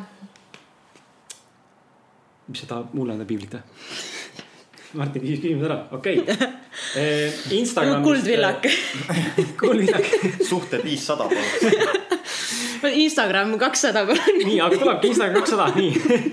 et äh, sa oled Instagramis äh, ka selles mõttes aktiivne ja sinu kontot jälgides ma näen, sa teed pidevalt tööd puusu selfie'ga näiteks, aga nii toredad poisid. on. Sven ja Teet on väga toredad inimesed ja, ja ettevõte on ka väga väärt asi, et aga räägi mulle mm,. mõtlen, et räägi mulle Instagramist, miks ma seda mainin, neid mainin ka seepärast, et toitumine, kui oluline on. Kas toitumine on, kui palju on toitumine muutunud tänu sellele, et sa oled võtnud ette endale selle nii-öelda elu eesmärgi teha nagu väga tõsiselt trenni ja treeninguid. või see on alati olnud sul prioriteet või see on pigem olnud nüüd nagu väga-väga strikt sest mulle tundub, ma muidugi ma ei tea, ma ei näe, mida sa sööd, eks ole, aga mulle tundub su asju jälgides, sa oled väga teadlik, mida sa tegelikult teed. pigem jaa, ma, ma arvan, et see on nagu terve elus, mina olen sellisest äh, perekonnast, kus äh, ma juba väiksena mäletan, et äh, mul kodus oli alati tervislik toit.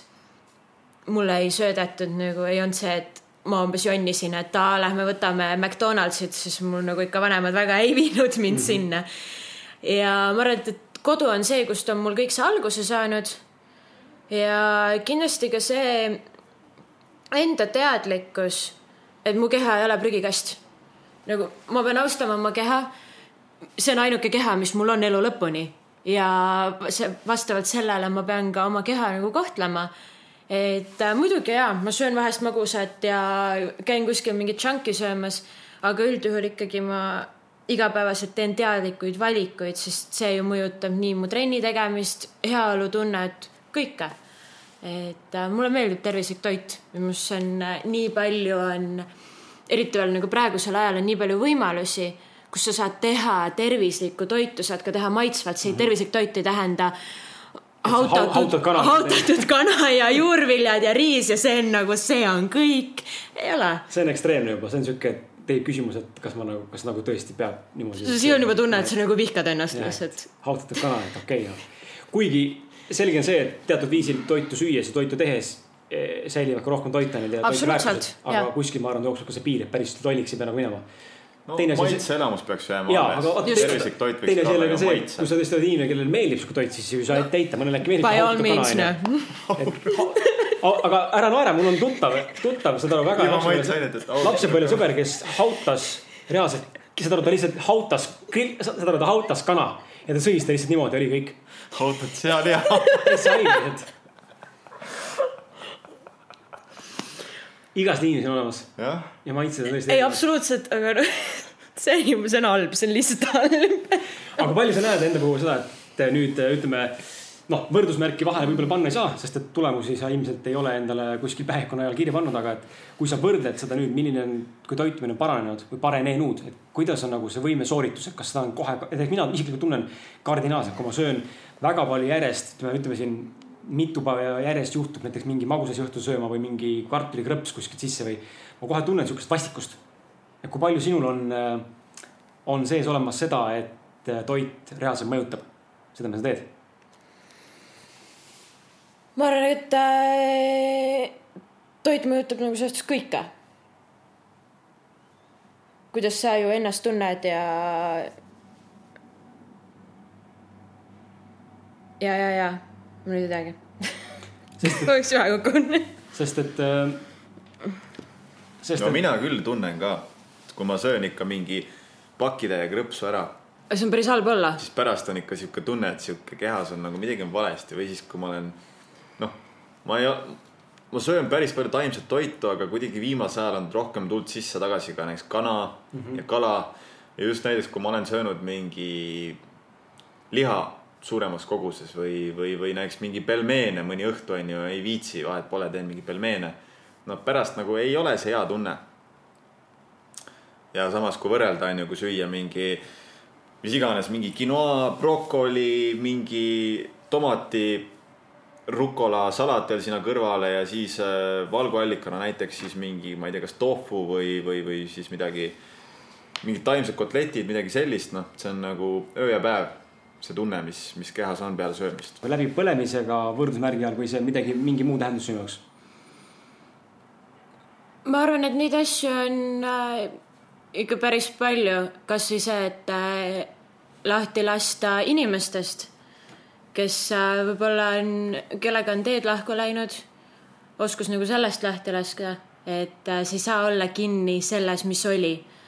ja tuleb hinnata seda, noh, ongi see, et kellegiga lähevad teed lahku, sa peadki hindama seda aega, mis oli ja alati seda nagu hästi mäletama, aga sa ei saa elada sellest kinni mm. -hmm sest äh, see ei muuda nagu mitte midagi paremaks. ja kindlasti ka selle läbipõlemise juures, et äh, noh, siis ma pidingi lahti laskma nagu kõigest sellest halvast, mida ma nii, nii tugevalt kinni hoidsin. ja ka see, et, et nagu lasin lahti nendest, et mis oli minu nagu igapäevane trennide rutiin, mis oli üldse minu igapäevased nagu tegevused, et ka sellest nagu, et see oli mingi hetk oli minu comfort zone. et äh, ma olengi hästi vihane, käin trennis siis olen veel vihasem. ja see on nagu that's it, et ka nagu sellest lahti lasta, et äh, lihtsalt, lihtsalt olla, olla enda jaoks. ja see resoneerub selles vastuses kõvasti see, et lasta lahti mitte ainult asjadest, vaid ka inimestest, kes ei teeni enam elu. just, ise kogenud ka päris palju seda elus mingi põhjusel ja ma arvan, et see on hea, sest paljud ei koge üldse seda. ja tegelikult ju see kogemine on ju end, iseenda otsus jälle, me, kas me otsustame sellest inimesest loobuda või mitte. loobumine võib-olla kõlab valesti, aga ja hästi nagu harš, aga, aga tegelikult nii on, et kui ma ise olen ka seda meelt, et kui ikkagi asi sind elus ei teeni, siis sellesse energiat ei ole mõtet ju panna, see on ju surnud ring. ükskõik kui valus see ei ole ka, mõnikord nagu sa ütlesidki, sul on see, et sa loobud spordist, noh, just nagu võitluspordis ajutiselt, võib-olla ajutiselt onju, võib-olla, võib-olla alatiseks. et see ei ole nagu halb asi, aga seda, seda, seda otsust langetada on hästi valus kui sa oled eriti nagu sellesse klammerdunud ja sellesse väga süvenenud, sellesse panustanud, tegelenud sellega, siis see julgus vastu võtta ja olla, olla nagu endaga aus, et hetkel on aeg midagi muud teha, siis see on see, mis tegelikult inimest muudab, aga tihti inimesed ei tee seda. igal pool eri, erinevates valdkondades ka, olgu suhted või trenn või, või toit või mis iganes muu on siin elus, et, et väga lahe nagu. kas sa oled mõelnud, kas võitlussport on äh, noh, lõplikult kõik või pigem ongi hetkel sihuke, sa ei tea, teadmata ajaks paus? ma arvan, et pigem on äh, teadmata ajaks paus, seepärast et see sport mulle tõeliselt meeldib, ma tahaksin seda nagu edasi teha. aga ma tunnen, et hetkel ma ei ole, pigem füüsiliselt ma olen, ma arvan, et oma elu parimas vormis praegu mm. -hmm. aga ma tunnen, et ma ei ole vaimselt äh, valmis tagasi minema, sest ikkagi noh, mina viimasena mäletan ikkagi neid halbu emotsioone, mis mul sellest tuli, et need võistlused, mis ma järjest kaotasin. see, kuidas trennides läks nagu halvasti et ma arvan, et äh, jah, praegu on, mõneks ajaks on veel paus. aga, aga nüüd äh, ma arvan, et mingi hetk ikkagi proovin tagasi minna mm. -hmm. vaatame, mis saab. on sul, Martin, mõni küsimus peas sealt või?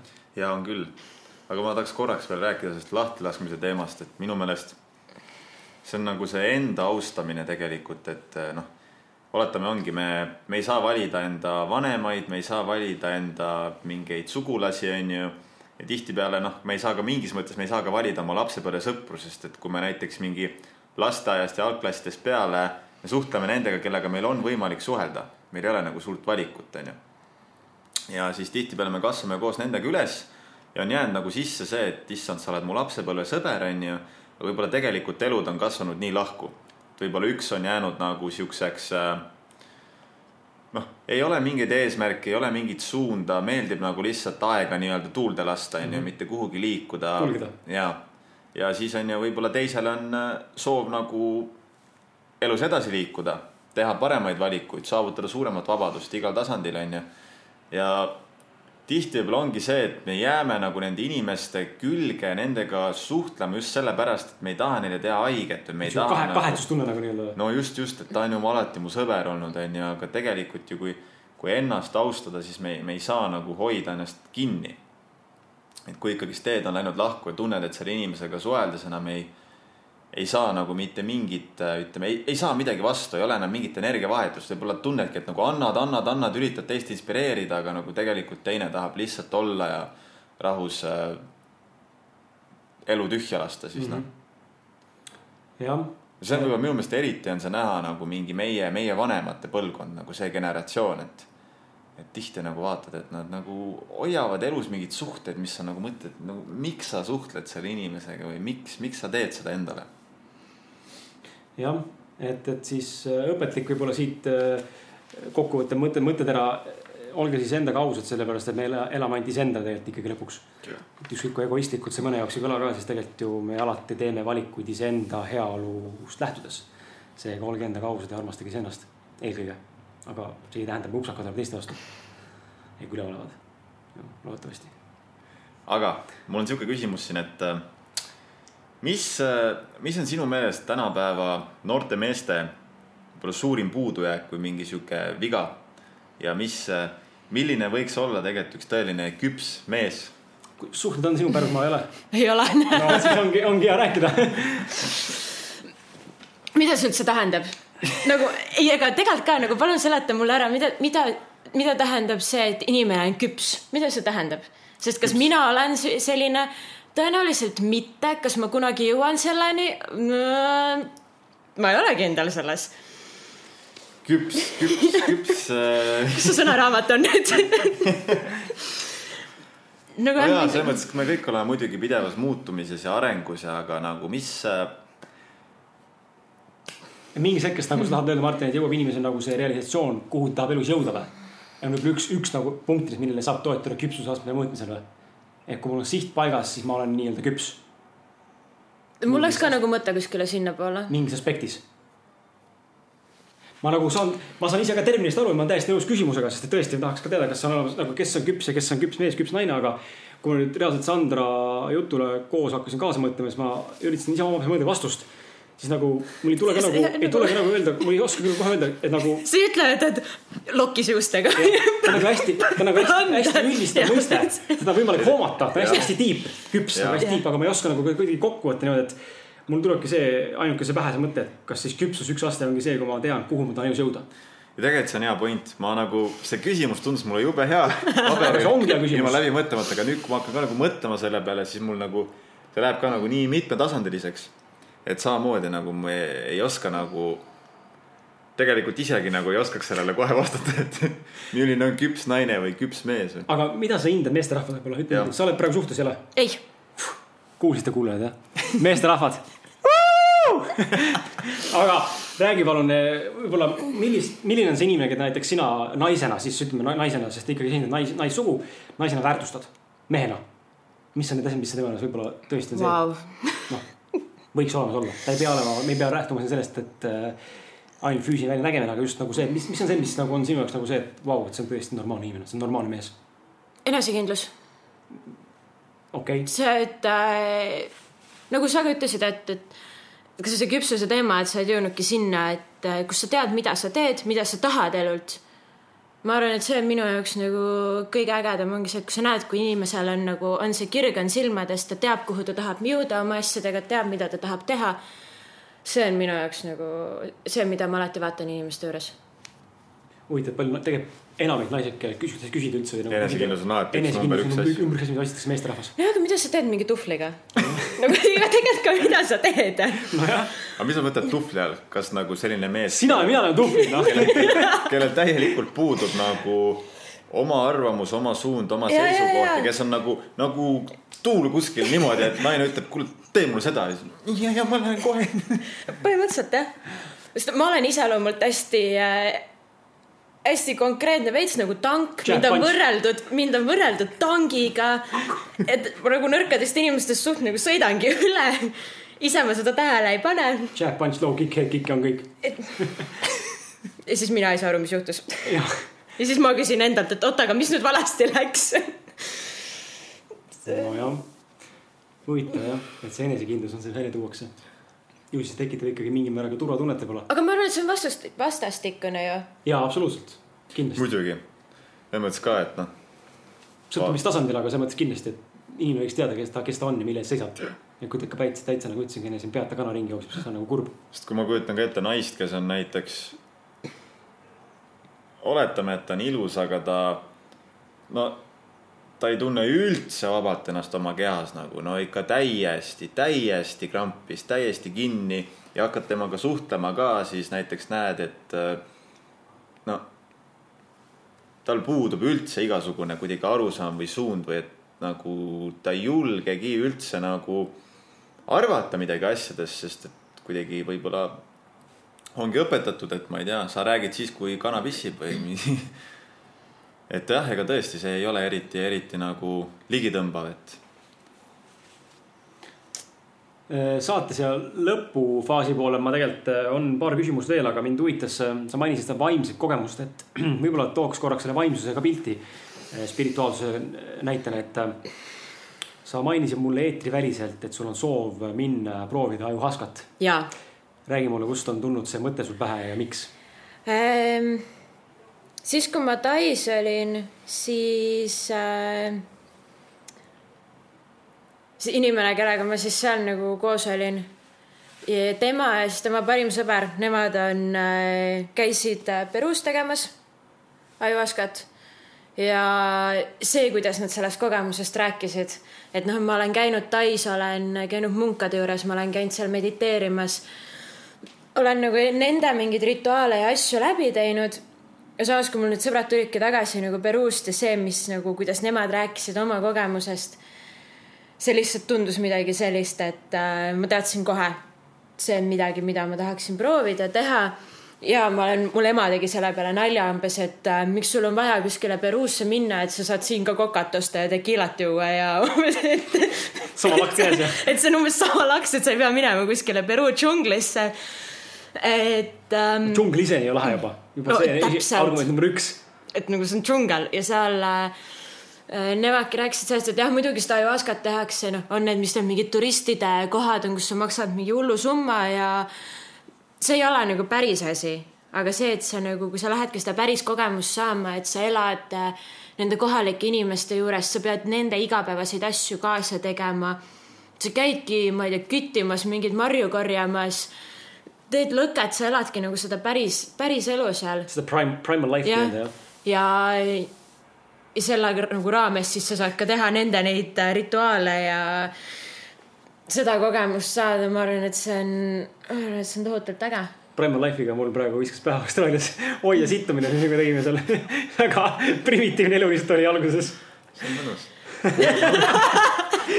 mul viskas ette kohe see, püüad mingi sea kinni pane okei okay,, aga Ajuhaskaga seoses jah, mul hea sõber, üks parimaid sõpru on seda korduvalt teinud ja, ja noh, tõesti on näha, et see, see on nagu asi, mis, kui sa piisavalt suudad selle nii-öelda taimele, siis sellele, mida nad seal kokku keeravad, see sihuke jook on ju.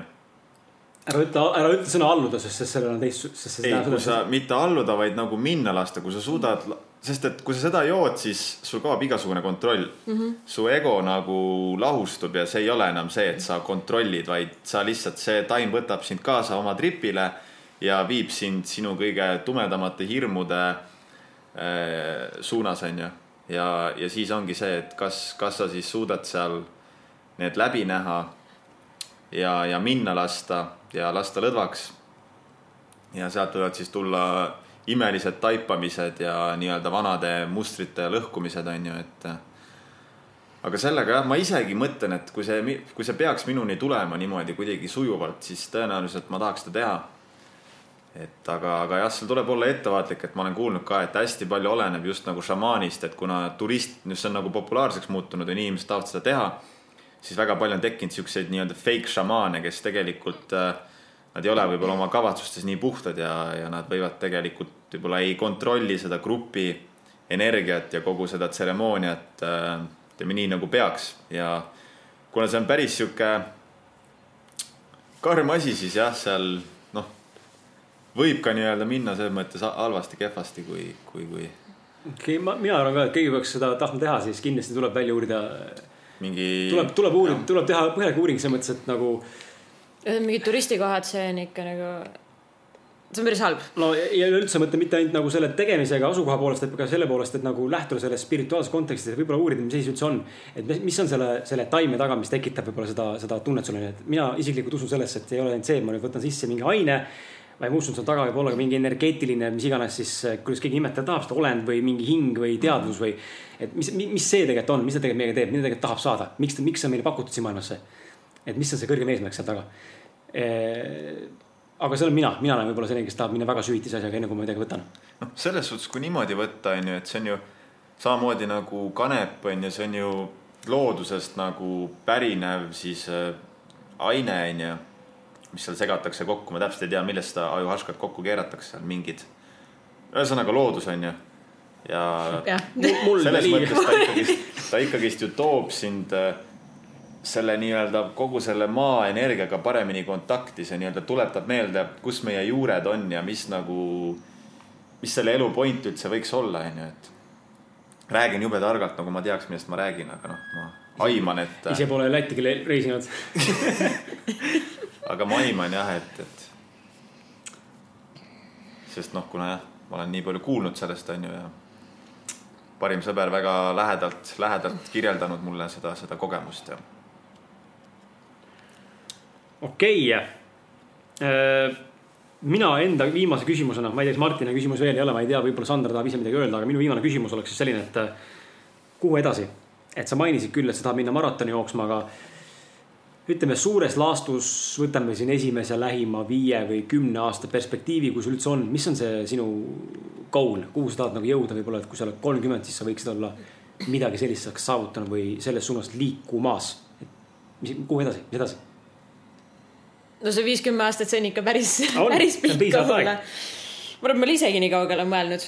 ma siin üritangi selle aastaga nagu ühele poole saada, siis on juba hästi. aga ma ei teagi, ikka seda sporditeed äh, minna.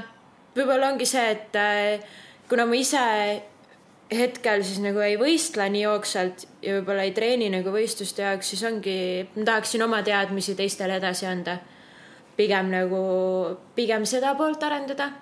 ja sa rääkisid, sa tahad minna õppima persona- Treeneriks, jah. ma arvangi, et avastada seda teed, reisida. võib-olla ongi see, et minna, minna kuskile nüüd äh, mõneks ajaks ära mm. Mhm. -hmm. lihtsalt ollagi, avastada enda teekonda, sest ma ei, nagu ei taha teha mingeid nii, et nüüd viie aasta pärast ma pean mm -hmm. seal olema, sest tõenäoliselt need asjad ei lähe Ei nii seda on nagu elu mulle piisavalt õpetanud, et nagu pole pointi viie aasta pärast võid täiesti teine inimene ka olla, täiesti uute visioonidega ja šama- šamaan. milleks vanu. absoluutselt, never know, see kahtlane värk. aga, aga see, et äh, võtta kinni nagu sellest, et äh, jõuda iseendani ja, ja oskad sa äkki soovitada inimestele, kuidas siis äh, lõpetuseks, et kuidas, mis on su soovitused, kas mingi lugemismaterjal, mingid raamatud, podcast'id või mingi harjutus või mingi asi, mis sa soovitad inimestel teha äkki, kuidas nagu jõuda. kuidas jõuda selleni, et ma saaksin aru, mida ma tegelikult teha võiksin? oma, kuidas jõuda mu südamesoovini, eesmärgini? mind on hästi palju aidanud äh, selline inimene nagu Aubrey Marcus. tema podcast'e ma olen kuulanud no ikka väga palju. ja millele ta keskendub saadetes? Tal on väga palju igasuguseid teemasid, aga kõigest suhted, reisimine, ta väga palju ka võtab neid äh, ayahuasca teemasid läbi. no ma arvan, et nemad on vist seal nagu kõiki aineid proovinud, mis vähegi võimalik on. et äh, üldse nagu tema see mõttemaailm, tema see vabadus ja ma, ma väga soovitan nagu kõigil tema podcast'e kuulata. et see on kuidagi väga kõnelenud minuga ja kindlasti ka sealt ma olen saanud mingeid mõtteainet, nippe võib-olla, kuidas ka nagu endas selgusele jõuda ja kuidas enda asju nagu korda saada. mind äh, vapustas väga tema mingi podcast, mida ma kuulasin, kus ta rääkis äh, polügaamiast ja, ja sellest, kuidas, kui nad oma naisega leppisid kokku, et nüüd nad võivad teiste inimestega seksida. kuidas ta kirjeldas, kui ta naine siis äh, ütles talle, et kuule, ma nüüd lähen selle, mis iganes Rickiga kohtuma, onju et kuidas ta teoorias arvas, et ei noh, see on ju lihtne, aga kui see reaalsus kätte jõudis, siis oli päris raske. mida, mida kõike, mis kõiki emotsioone ta koges seal on ju, meeletut viha ja.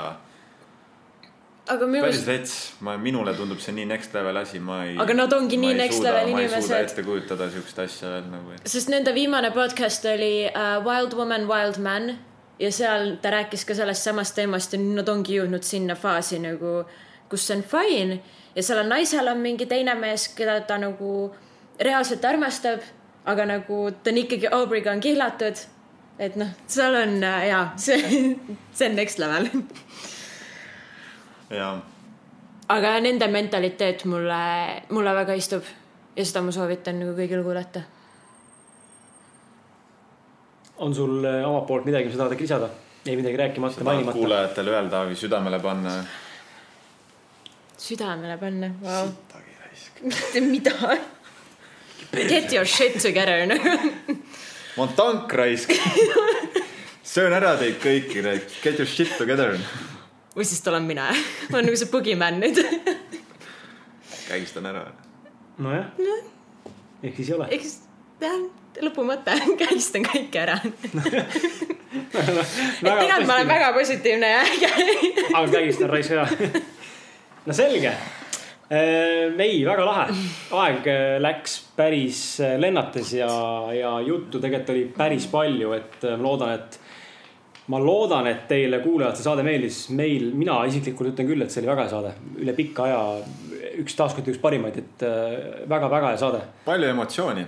palju emotsiooni äh, ja palju ka tõsiselt äh, selliseid võetavaid mõtteid, et äh, mul külaliste tavaliselt ongi see tihti see hirm, et kas inimesed suudavad ja viitsivad nagu kaasa analüüsida, nii nagu me Martini tavaliselt teeme siin, et see on suht sihuke nagu tiibiks minemine. kõigile ei sobi, kõigile ei meeldi, aga see on minu arust nagu hästi oluline, sest tegelikult me kõik tegelikult otsime seda elus. ja, ja nagu Sandra ka ütles siin saate alguses ka, et me kogemuse pealt, et seesama mediteerides enda, enda küsimustele peas vastamine, et noh, see on paratamatu osa meie eludest ja me ikkagi teeme kõik seda, et aga miks mitte siis sellest rääkida ja, ja ei, lahe, et äh, aitäh sulle, Sandra, et sa saatesse tulid. Aitäh teile. loodan, et sul oli sama tore kui meil ja said natukene hirmu ja mikri ja võib-olla ka helikogemust äh, leevendada ja parandada jaa. ja, ja kiidusõnad sulle selle poolt, et äh, sinu noh, eneseväljendus on ikka väga äh, tasemel. ei olnud mingit probleemi sind siin kuulata ja sinuga vestelda ja sinust aru saada, et ma arvan, kuulajad nõustuvad. aga lõpetuseks nii palju, et äh, nagu ikka, kui te leidsite siit saatest enda jaoks mingisuguseid häid mõtteid ja mingisuguseid punkte, mis teile meeldisid ja mis tundus, et pakub teile ellu väärtust ning muudab teie elu paremaks kuidagi, siis meil on ainult üks teene eh, teid paluda, sellepärast et see saade on tasuta ja see saade ei hakka mitte kunagi olema reklaamipõhine, kuigi Eestis on reklaamid väga äh,, väga pinnapealsed. Neid tehakse vähe, küll aga vaikselt hakatakse tulema podcast'i algusesse reklaami nagu välismaalgi on, siis meie seda kindlasti tegema ei hakka. ainult võib-olla erandkorras, kui meil on koostöö kellegagi, siis võib veel, aga üldiselt nagu reklaamima kedagi me ei hakka. Meie ainus palve on see, et palun leia üks inimene enda sõbralistist, kellega seda jagada, seda saadet. kui sa leidsid sellest mingisugust väärtust, sest see on see, mis aitab meil sõnumit levitada. kui sada kuulajat keskmiselt või kakssada kuulajat keskmiselt meid kuulab, igaüks annab ühele sõbrale, siis noh, on põhimõtteliselt topelt. et äh, vähegi võimalik on ja viitsimist on, siis palun jagage. ja, ja, ja egas midagi, meid leiate ikkagi endiselt Instagramist ja Facebookist ja iTunesist ja SoundCloudist ausad mehed alt. Ning äh, mina olen Kris Kala ja mind leiate Instagramist äh,, Facebookist, at Kris Kala ja kriskala.com. jah, mind leiate ka ülesse. viimasel ajal ma sotsiaalmeedias olen väga ebaaktiivne olnud, sest et ma lihtsalt tunnen, et kogu mu aeg ja energia läheb mujale ja tegelikult äh, minu meelest võtab päris palju aega ikkagist postitamine ja sotsiaalmeedias aktiivne olemine. võtab, võtab. ja, aga jah, Instagram, Martin Pukspuu. Facebookis Martin Pukspuu, personaaltreener Martin Pukspuu, aga noh, nagu ma ütlesin, viimasel ajal ma ei ole eriti aktiivne olnud, aga ma usun, et varsti see muutub jälle. loodame. kodukas on martinpukspuu.ee ja no see on personaaltreener. ja, ja, ja aga sinna võib ikka vaadata. et eh, Martinile natuke nutsu ka tuua. see on meie iga, iga, iga, iganädalane teema. Kris võtab üles, et sul on ju koduleht ka ja siis. aga see on personaal, see on mu töö. ei, aga tulge trenni ja inimesed, tulge trenni, et ma aitan teil äh, kaalu langetada, ma aitan teil ähm, oma keha ilusamaks ajapikku vorpida ja tegelikult minu meelest kõige tähtsam, ma aitan teil tekitada uusi kasulikke harjumusi selleks, et äh, see keha on sinu tempel ja et see teeniks sind kõrge eani ja. ja ma olen ehe näide viimase poole aastaga seitse kilo juurde võtnud, nii et tulge Martini juurde trenni. kava on hea. Sandra, sinu leiame kuskohast? trennist. trennist, täpsemalt. sotsiaalmeediakontod, kust klubist, kust helistada saab, mis on koduaadress postiindeksit tahad ka? postiindeks ka. milline tuba välja näeb ja millist toast leida võib? Vau, ma vist pean ka lima hakkama Instagramist leiab Sandra Luik, väga lihtne. Äh, trennist leiab äh, üldjuhul Viru My Fitnessist. kuskil kella kahe-kolme ajal, täna mitte. talisupplemisest leiab mind iga teisipäev ja pühapäev. kus sa tali supled? Pirital. seal selle sadama ja., jah, jah, jah, vist lähen kuhugi. Vigri kohvik on sealsamas onju. jah. ehk siis soovitan kõigil väga talisupplusega tegeleda super äge asi. mina tahan ka kindlasti alustada sellega. no tule täna õhtul, me lähme. täna on pisipäev juba hakkab tulema. juba tuleb avaldus aga selge. minu poolt siis aitäh ja tšau. tšau